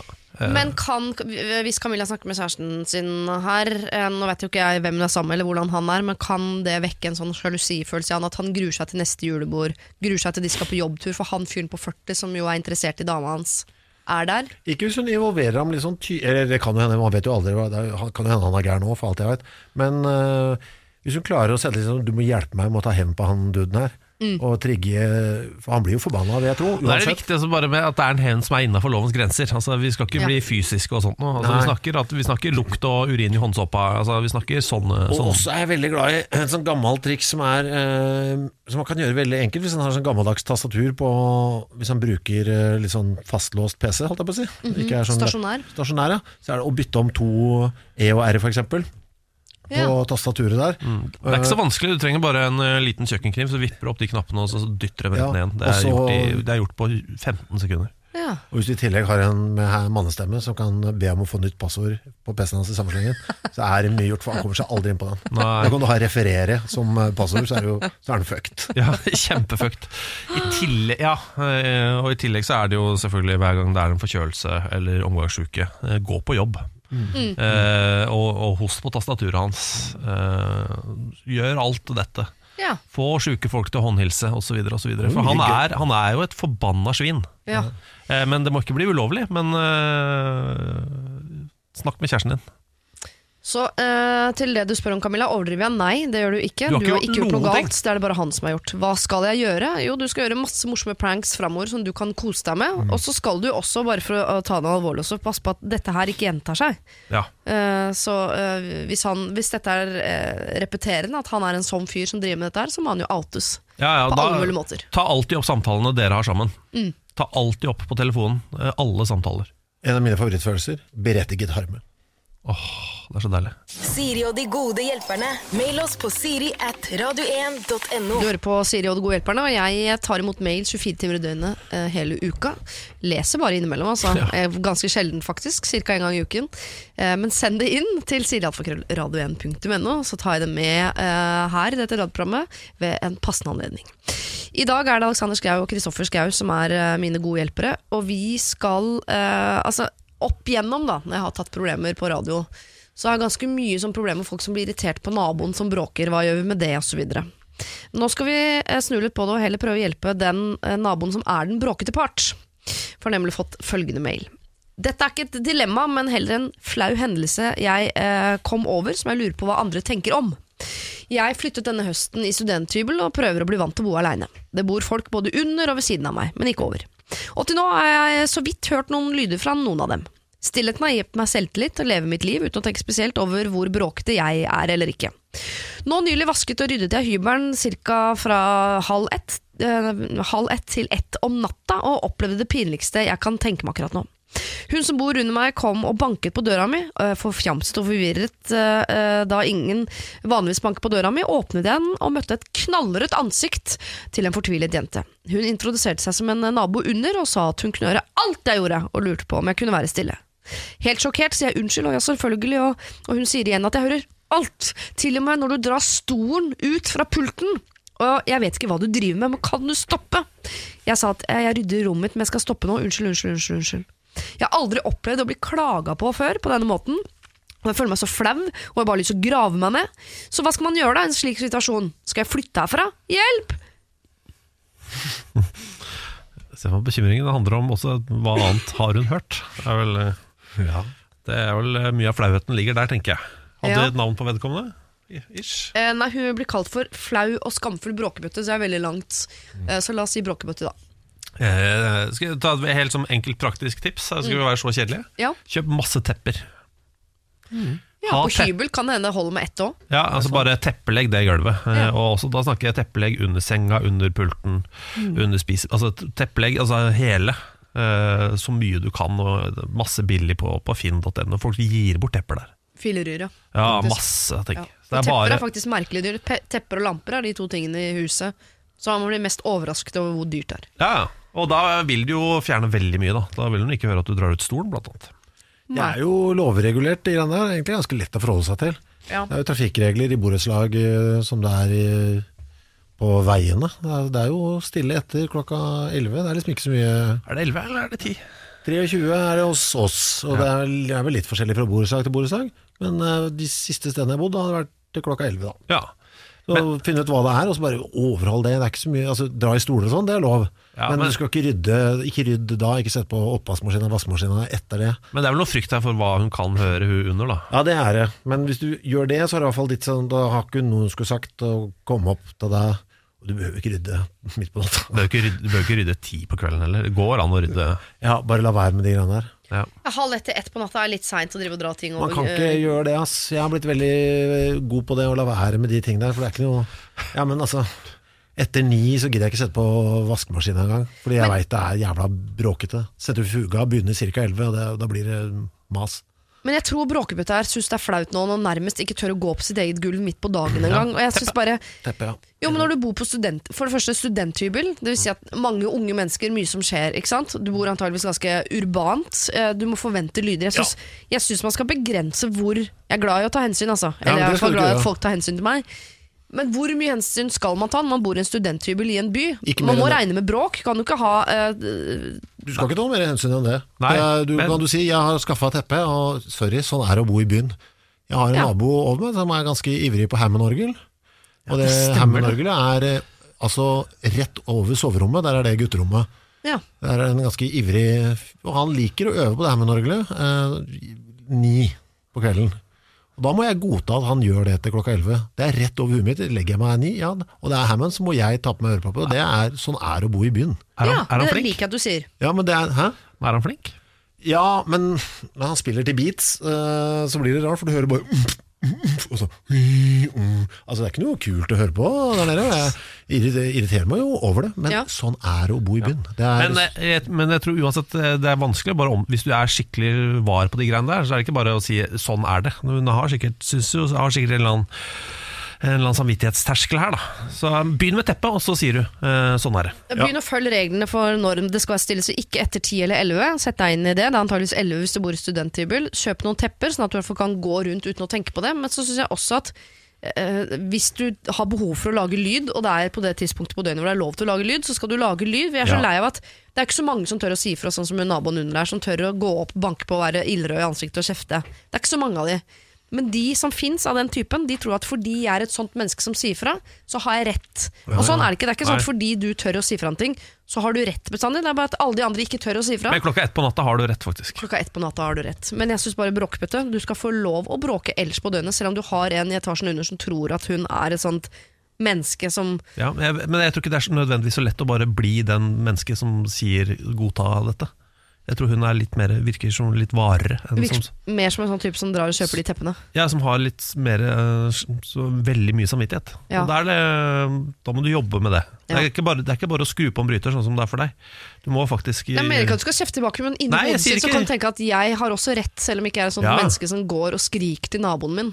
Det er bare et kjapt tips. Hvis naboen har fest klokka to på natta, og du har klaget mange ganger, eh, slå, gå ut på gangen hvis du bor i borettslag, eh, slå av hovedbryteren deres, og så låser du sikringsskapet med en hengelås. Det er gøy. Og så går du og legger deg. Ja. Det er bare så du vet det. Eh, hvis, ja, det gjør du. Altså, det er når det er motsatt. Ja. Ikke sant? Det er fint, for det er helt sikkert flere av de som sitter og hører på dette det programmet. det er den enkleste, jeg bare sier det. Ja. Men Bråkebut, du skal kjøpe masse tepper. Holde deg innafor tida. Og hvis du føler deg litt vill og gæren en dag, så bråker du litt grann ekstra klokka fire. Det ville jeg gjort. Mm. Bare for å bli et bedre menneske. Siri og de gode hjelperne. Jeg klarer altså ikke å se eller høre Sam Smith uten å le, fordi jeg tenker på meg selv som sang Sam Smith på karaoke. Fortsatt. Det er tre uker gammel hendelse. Fire kanskje til og med. Jeg får det ikke ut av hodet. Det er altså så morsomt. At jeg Hvorfor, hvorfor var det gøy? Fordi det var så fælt? Jeg har snakket for mye om det på radio. Kan jeg bare, gi- ett spørsmål? Ja. La du deg på et lysere toneleie for å treffe Hans? Nei, Nei. okay. gjorde jeg ikke. Er veldig glad i i mye musikk fra Sam Smith. Mine versjoner, ikke så glad i det, bortsett fra at jeg blir veldig godt humør av å tenke på det. ok, vi skal ikke snakke om det. Vi skal snakke om noe som uh, ikke så veldig mange blir i så veldig godt eh, humør av. Uh, og det er uh, Pippi som har sendt inn dette programmet. Altså ikke sjølveste, men en som liker å kalle seg for Pippi. Jeg er en kvinne i midten av 20-årene som denne uken skal til min første gynekologtime. I denne forbindelse lurer jeg på, hvordan forbereder man underlivet for en slik affære? Skal jeg sørge for å være nyfrisert, eller skal jeg la det gro og komme med en tredagers? Kan legge til at jeg er i et forhold, og at jeg akkur ikke akkurat ser fram til gynekologtimen. Vil også benytte anledningen til å oppfordre alle kvinner til å ta celleprøve. Hashtag sjekk det.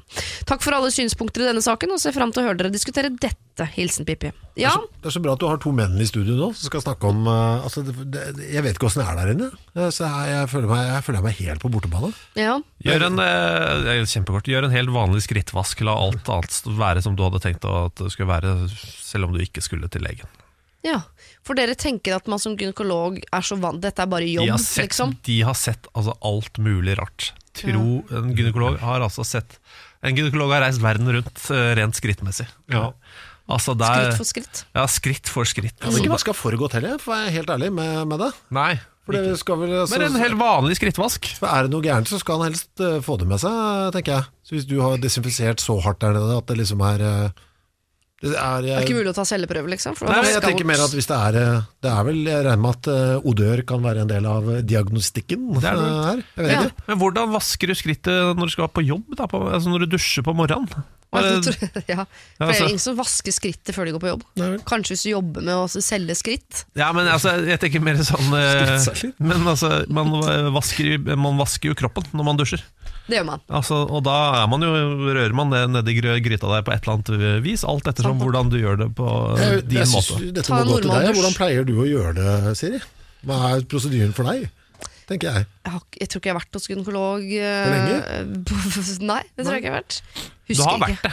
Det har jeg nok vært, ja. Ja. Jeg helt, uh, tok vel en helt vanlig dusj. ja. Jeg tror kanskje jeg barberte òg, altså.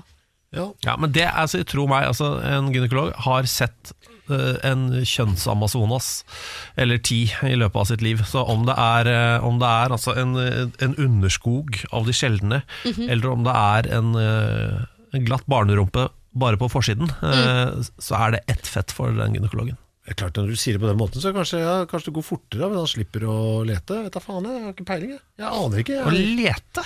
Ja, Hvis du har lyst til å stusse litt, da, kanskje, kanskje det går fortere. Ta søren, da. Er. Men du sier jo en tredagers, en tredagers Ja, ligger Tre helt dager er i hvert fall null stress. Da tenkte jeg Hvis det var en treårs, så kunne det være noe å vurdere. På et eller annet tidspunkt slutter det å vokse. Så jeg tror tre år, og ett år, så er det samme greia. Okay. Ja, men det er sånn ræva til Magne, da, kaninen din, liksom. Ja, for det, men den Hvis det er floker og, og dreads nedi der, så er det kanskje greit å bare klippe unna de tjukkeste pølsene. Liksom. Ja. klippe unna. ja. Men eh, ellers bare en helt eh, regulær eh, A4 skrittvask. Ja, fordi jeg har lært med all møte med lege og sånn, så er det bare Jo nærmere det er normalen, Ja. jo bedre er det å få greie på Altså, jeg var inne nå, skulle inn og ha en sånn der fotbusiness, eh, skulle ha noen sånne såler, ikke sant? Jævla kvalmt. Det er Ja. det verste, det er det ekleste Jeg, hadde, jeg kunne ha vrengt rasshølet mitt eh, opp i nesa på fastlegen min, hadde ikke kosta meg en, en krone. Må ta av meg de sokka inn på det, det Altså, det var skammen, ikke sant? Ja. Og da hadde jeg selvfølgelig en god vask på morgenen, så det var minimum eh, sånn. Duft. Ja, og også rent par sokker, liksom. Det kan du også vurdere her.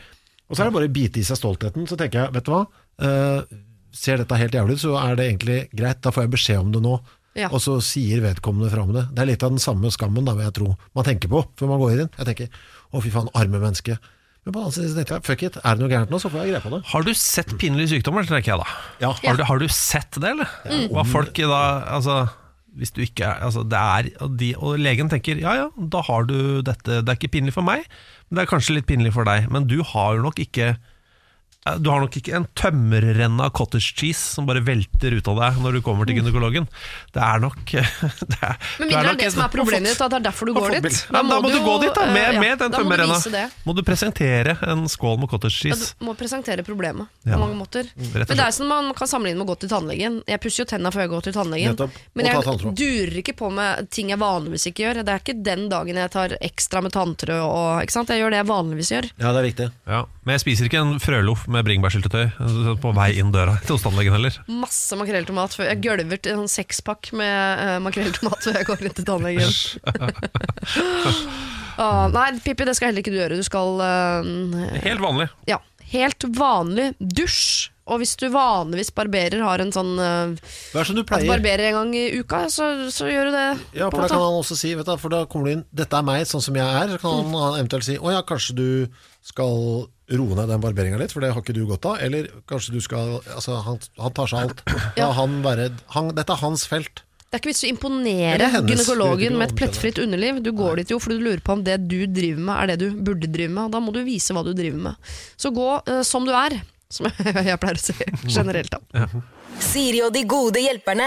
Nå er det for andre gang i dag altså uh, søsterproblematikk, så da må dere jo på en måte bare sette dere inn i det som enten som brødre eller bare som mennesker. Det velger dere Tar det som søstre, vi. Ja. Kjære Siri og de gode hjelperne. For ca. seks år siden valgte min storesøster å bryte kontakten med familien, og vi kjenner kun delvis til grunnen. Jeg syns dette er utrolig trist, og jeg savner selvfølgelig søsteren min. Vi møttes så vidt i en begravelse for fire år siden, da hun ga meg en lang, god storesøsterklem og sa at dette skulle gå bra, at vi snart skulle se hverandre igjen, men det har ikke skjedd. Alle disse årene har jeg jevnlig sendt meldinger hvor jeg spør hvordan hun har det, gratulert med dagen, ønsket god jul, eller kanskje bare fortalt litt om hva jeg gjør i mitt liv. Jeg får aldri svar. Noe som er forventet for så vidt, og det er helt i orden. Jeg sender ikke meldinger så ofte, jeg vil respektere hennes valg om å ikke ha kontakt. Nå har jeg blitt 20 år gammel, jeg har flyttet hjemmefra og lurer veldig på om det er noe jeg kan gjøre for å få møte henne igjen. Det er kanskje ikke innafor å bare møte opp på døra hennes, men er det i det hele tatt noe jeg kan gjøre, eller må jeg bare vente og se hva tiden bringer? Vil virkelig bare ha storesøsteren min og være en del av hennes liv. Og så legger hun til sånn tilleggsinfo eh, at det har ikke skjedd noe sånn Det har ikke vært noe vold eller eh, overgrep eller sånn i familien, så det er ikke noe sånn eh, Hva er grunnen til at storesøsteren bryter med familien, vet vi ikke helt, men det er ikke noe sånn eh, forferdelige eh, ting. Så hun savner storesøsteren sin og lurer på uh, hva hun kan gjøre for å få et forhold til henne igjen. Ja, altså, jeg tror ikke det er en god idé å bare møte opp på døra, i hvert fall. Da blir ting veldig rart. Eh, tror jeg. Ja. Hei! Ja, det, for det høres ikke ut som storesøstera di er en person som hadde syntes det var ålreit. Uh, det, er så det kan det fort gjøre at oi, ting blir veldig, veldig pussig. Veldig filmatisk, da. Veldig filmatisk uansett hvordan det går. Nei, Ja. Men jeg tror ikke jeg hadde turt det, altså. For å være helt ærlig. Jeg, får ikke, jeg, jeg har ikke noe svar på om Har hun sagt akkurat det hun skriver til oss? Til, storesø- Til søstera si? Er det bare sånn 'hei, åssen går det, Eh, god jul', Ja, nå er det er bursdag? godt innspill. Men har hun faktisk sagt at det er dette hun vil? At hun bare vil være en del av hennes liv?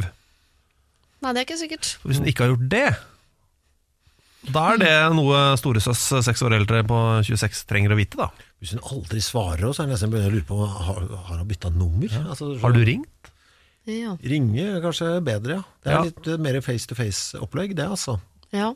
Jeg blir så nysgjerrig på livet til en storesøster. Har hun andre venner, eller er hun helt isolert? Vil hun ikke ha noe med noen mennesker å gjøre, eller? Det kan jo også hende. Det må, det, altså, du velger ikke slekta di, så det der kan du nesten ikke styre. eh, Nei. hvordan, det, er, det får du ikke gjort noe med, så du kan bare krysse fingra.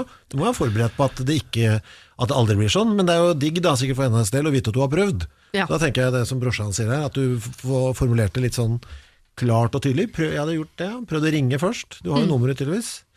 Og hvis ikke, bare vær sikker på at beskjeden kommer fram på en eller annen måte. Om det er fordi du vet postadressen, kan sende et fysisk brev, f.eks. Mm, Rekommandert. Rekommandert. det blir litt rart igjen. Jo, men jeg bare Ja, jeg vet at det virker Ja. litt vel sånn øh, øh, Dramatisk. dramatisk, men det er bare noe med at for på et eller annet tidspunkt så tenker jeg at ja, du skal respektere det valget storesøsteren din har tatt. Så på et eller annet, hvis hun ikke vil ha noe med dere å gjøre, så, så må du på et eller annet tidspunkt slutte å be om det også. Ikke sant? Men hun vet jo egentlig ikke om storesøsteren har fått uh, SMS-en, brevet, julekortet. Det er derfor jeg tenker rekommandert brev. Det veit du om har kommet fram. Ja, Og telefonsamtale vet du også om kommer fram. Ja. Det er bare hvis uh, søsteren har noe som Jeg bare kjenner på min egen sånn uh, Jeg er ikke glad i å snakke i telefonen. Og hvis det er noen jeg ikke har snakket med på lenge, som ringer, kan, den telefonen tar jeg ikke. nei. Da vil jeg ha det i brev. ja, men gjør nå det, da. Få det ut. eh, Det du sier til oss, må du si til søstera di. ja, du syns du har skrevet en god kladd eh, nå i denne meldinga inn til eh, dette programmet? Siri at radio1.no. Nettopp. Og så Si gjerne sånn. Reformuler og prøv å sende det som eh, både SMS, mail og ring. Eller ikke mail, men post, ja. Men bare da som et tilbud til sånn Jeg savner jeg vil ha et forhold til deg, storesøsteren min. Tilbud, jeg skjønner godt hvis du ikke vil. Så, og hvis du ikke vil, så er, ja, ja, så er det sånn det ble her. Ja. Og det føles jo sikkert urettferdig, for det er jo et eller annet i familien storesøsteren vil bort fra, som sikkert ikke har noe med lillesøsteren å gjøre. Det er bare med, med en gang jeg ser lillesøsteren min, så, så minner du meg på den her familien som jeg vil bort fra. Så kanskje dere må møtes Kanskje det Mhm. Og hjelper så er det, dere, dere blir jo likere og likere i alder, for hun var 20, eller? Mm. Ja, så, så, altså Om fem år så er dere nærmere hverandre sånn i alder, på en måte. Ja. Så Altså- kan hun, hvis, hun spør, hvis hun prøver nå og får nei, eller ikke får svar, kan hun prøve igjen om fem år? Ja. Kan prøve om tre år. Og, tenker Kan hun fortsette å sende julekort og si sånn Ja, 'Jeg har det bra'? Det er bare bra, det. Ja. ja, det er kjempefint, så kanskje du Ja, ja. Hold, det- hold den oppdatert. Hold det på lunk. Ja, ja, det må du gjøre. Ja. Da vet du hva du har å gjøre. Du har allerede skrevet en god kladd, som Kristoffer Kristoffer sier. Eh, Du kan jo eh, skrive det ut i et fullt brev, sende det til henne, eller på en eller annen måte ta kontakt i ring hvis du vil. Men du må vite at hun, eh, at hun får det, altså at hun hører det, leser det. Og der skal du skrive det du har skrevet til oss, at du nettopp savner storesøsteren din, at du ønsker å ha henne i livet ditt. Og så håper vi at du får det til nå, eller om tre år, eller om fem år, eller i hvert fall på et eller annet tidspunkt. Siri og de gode hjelperne. Og du hører på Radio 1, Siri og de gode hjelperne, som eh, nærmer seg eh, slutten for denne gang. Alexander og Kristoffer har vært mine gode uh, hjelpere i dag. Dere skal få lov til å dele ut hvert deres handlenett til hvem dere vil, fylt med hva dere vil. Men før dere gjør det, så skal jeg få lov til å dele ut mine handlenett. Jeg får dele ut ganske mange. Oi. Ja. Ja, ja, ja. Eh, Jeg skal dele ut et handlenett til uh, Rikke, som uh, bor i verdens beste hybel, men som dessverre skal et år på utveksling, uh, og ønsker å beholde hybelen. Det fant vi en ganske grei løsning på. Altså Ta imot et tilbud fra besteforeldrene dine. Og så har vi da eh, Knut, som vi ble ganske glad i, som eh, elsker sjakk akkurat nå, men for ikke så lenge siden var det fluefiske, og før det var det petank. Eh, og vi har jo eh, bedt han om å eh, starte en kunstutstilling eller en blogg, eller et eller annet, så vi kan se alle tingene hans, og at han ikke får lov til å bruke så mye penger i framtiden på nye diller i sitt eget liv. Milla, du skal få et handlenett. Du har slitt litt med å bli gravid, og en av tidspunktene i livet hvor du har muligheten til å bli det, er i romjula. Da er du hos svigers. Så der er det lytt. Så vi har bedt deg ta inn på et hotell. Eller noe enda mer praktisk og mer sånn mikroaktig. Be mannen din eh, kose seg i et glass. For så å eh, få det inn der på en eller annen måte. Ta en Ja, koser seg ikke. shotkonkurranse nedentil. Ja, han koser seg ikke i glasset. Han koser seg nok utafor glasset, og så legger han kosen oppi. Det er vanskelig å sikte, vet du. Folk er veldig ulike på hva de syns er koselig. Ja, Ikke å sant? gnukke oppi glass, det er jeg Ja. usikker på om han Ja ja, you never know. Plutselig så finner han en ny fetisj. Ja, det er sikkert, helt sikkert finnes en sånn Ikea-glass-fetisj. Egen klubb et eller annet sted. Mitt uh, motto er jo 'det fins alltid en tysker'. ja. Ja, det er alltid en tysker som liker det du tror ingen andre liker. Hvis du lurer på om det fins, sjekk det Tyskland først. uttrykk, If it exists, it exists in porn. Og det kan du bare teste. Brødrister pluss porn, så kommer det opp noe. liksom Hva Ja. som helst. If it exists, it exists in porn. Ja, det er det er uh, den sjette regelen i Germany. internett. Ok, sorry. Og så har vi eh, Kari, som har denne mystiske søsteren, som eh, tydeligvis har innledet en forhold til en gammel lærer, som har kone og barn. Eh, du skal få et eh, eh, handlenett, og så vil jeg sende et til eh, Camilla, som har vært på julebord og vært så uheldig som så mange andre, og blir utsatt for en kollegas framstøt i taxien. Skamfull bråkebøtte, du skal få et handlenett. Og Pippi, når du kommer hjem fra gynekologen med din tredagers uh, lille venn.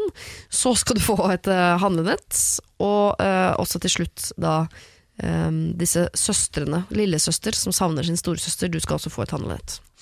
Eh, Kristoffer, jeg begynner med deg. Hvem har du lyst til å gi handlenett til, og hva skal det være skylt av? Åssen ser det ut?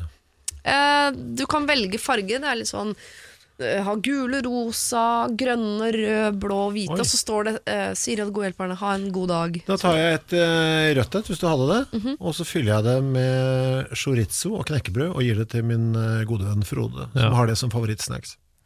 Ja. Ja, Han smuler opp knekkebrød, og så skjærer han opp tynne skiver av chorizoen, og så bare drysser han i en sånn haug, og så sitter han og knasker. jeg hadde ferdigblanda rett i nettet. Ja.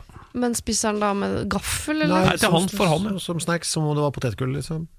For det er jo tørt, ikke sant? Chorizoen er ganske tørr. Det er, Ja, ja. sånn- Men det smuldra potetgull skjønte jeg det er ikke. ikke potetgull. eh, Nei, knekkebrød. eh, knekkebrød. Mm, Bare for at det blir liksom som en sånn bøff. Litt som et motstand, liksom. Sånn, Ja, det er knaset mot det deilige, myke kjøttet. Ja. det, er min, det er mitt nett. ja, Chorizo og knekkebrød. Er det noen type knekkebrød, Jeg eller? har aldri smakt dette, så jeg, Nei. egentlig, jeg må ringe han og si nå skal jeg fylle et nett, eh, Frode. Ja. Hva slags knekkebrød foretrekker du, og hvilken chorizo er din favoritt denne uken? Ja. ja. Jeg er veldig glad i chorizo, men ja. Eventuelt så må jeg ta et nett. Hvis han ikke vil ha, så tar jeg et nett sjøl og fyller det med påskemarsipan, nei, julemarsipan fra Nidar, for det er jeg veldig glad i. veldig glad i det. Men da tar jeg nettet sjøl, og det er litt frekt. Hva med deg? Uh, jeg vil ha, eh, hva er kongefamiliens farge? Er det rødt eller blått?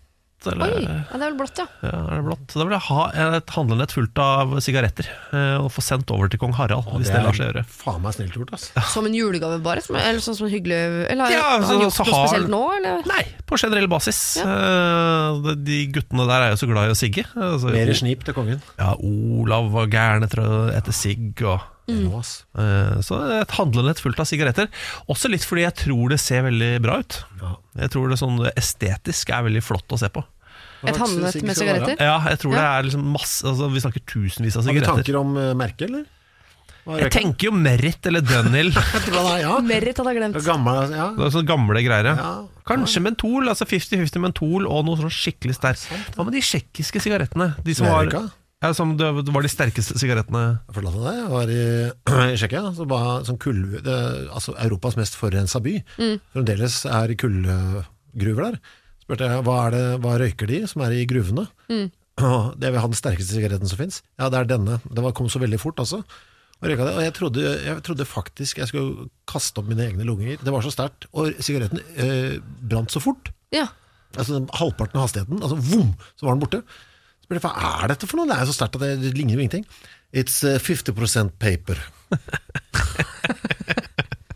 det var 50 papir Ja. inni, blanda inn med tobakken, for at du skulle få den, der, den gode avisfølelsen når du dro inn. Det er det, det, er det strengeste jeg har fått i kroppen noensinne. Ja, kanskje ikke, ikke det da til kongen. Ikke, Jeg da jeg var barn og mutter'n fikk lønning, så fikk jeg dra ned på eh, Sagene video. Så fikk jeg leie Moviebox, film, og så en, en kartong med Salem Lights mentol.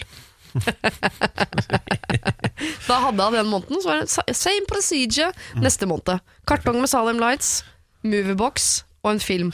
Stort sett uh, Vi5, den Det filmen. var en postmann jeg kjente, som skulle ha alltid en Salem og en Salem Light. Så Tetten 2 røyka annenhver trekk for å være sunn. Så at annenhver trekk var sunt. ja, det er som faderen da han tedde to røyk når han skulle tømme bøttedassen på hytta. En til hvert nesebor.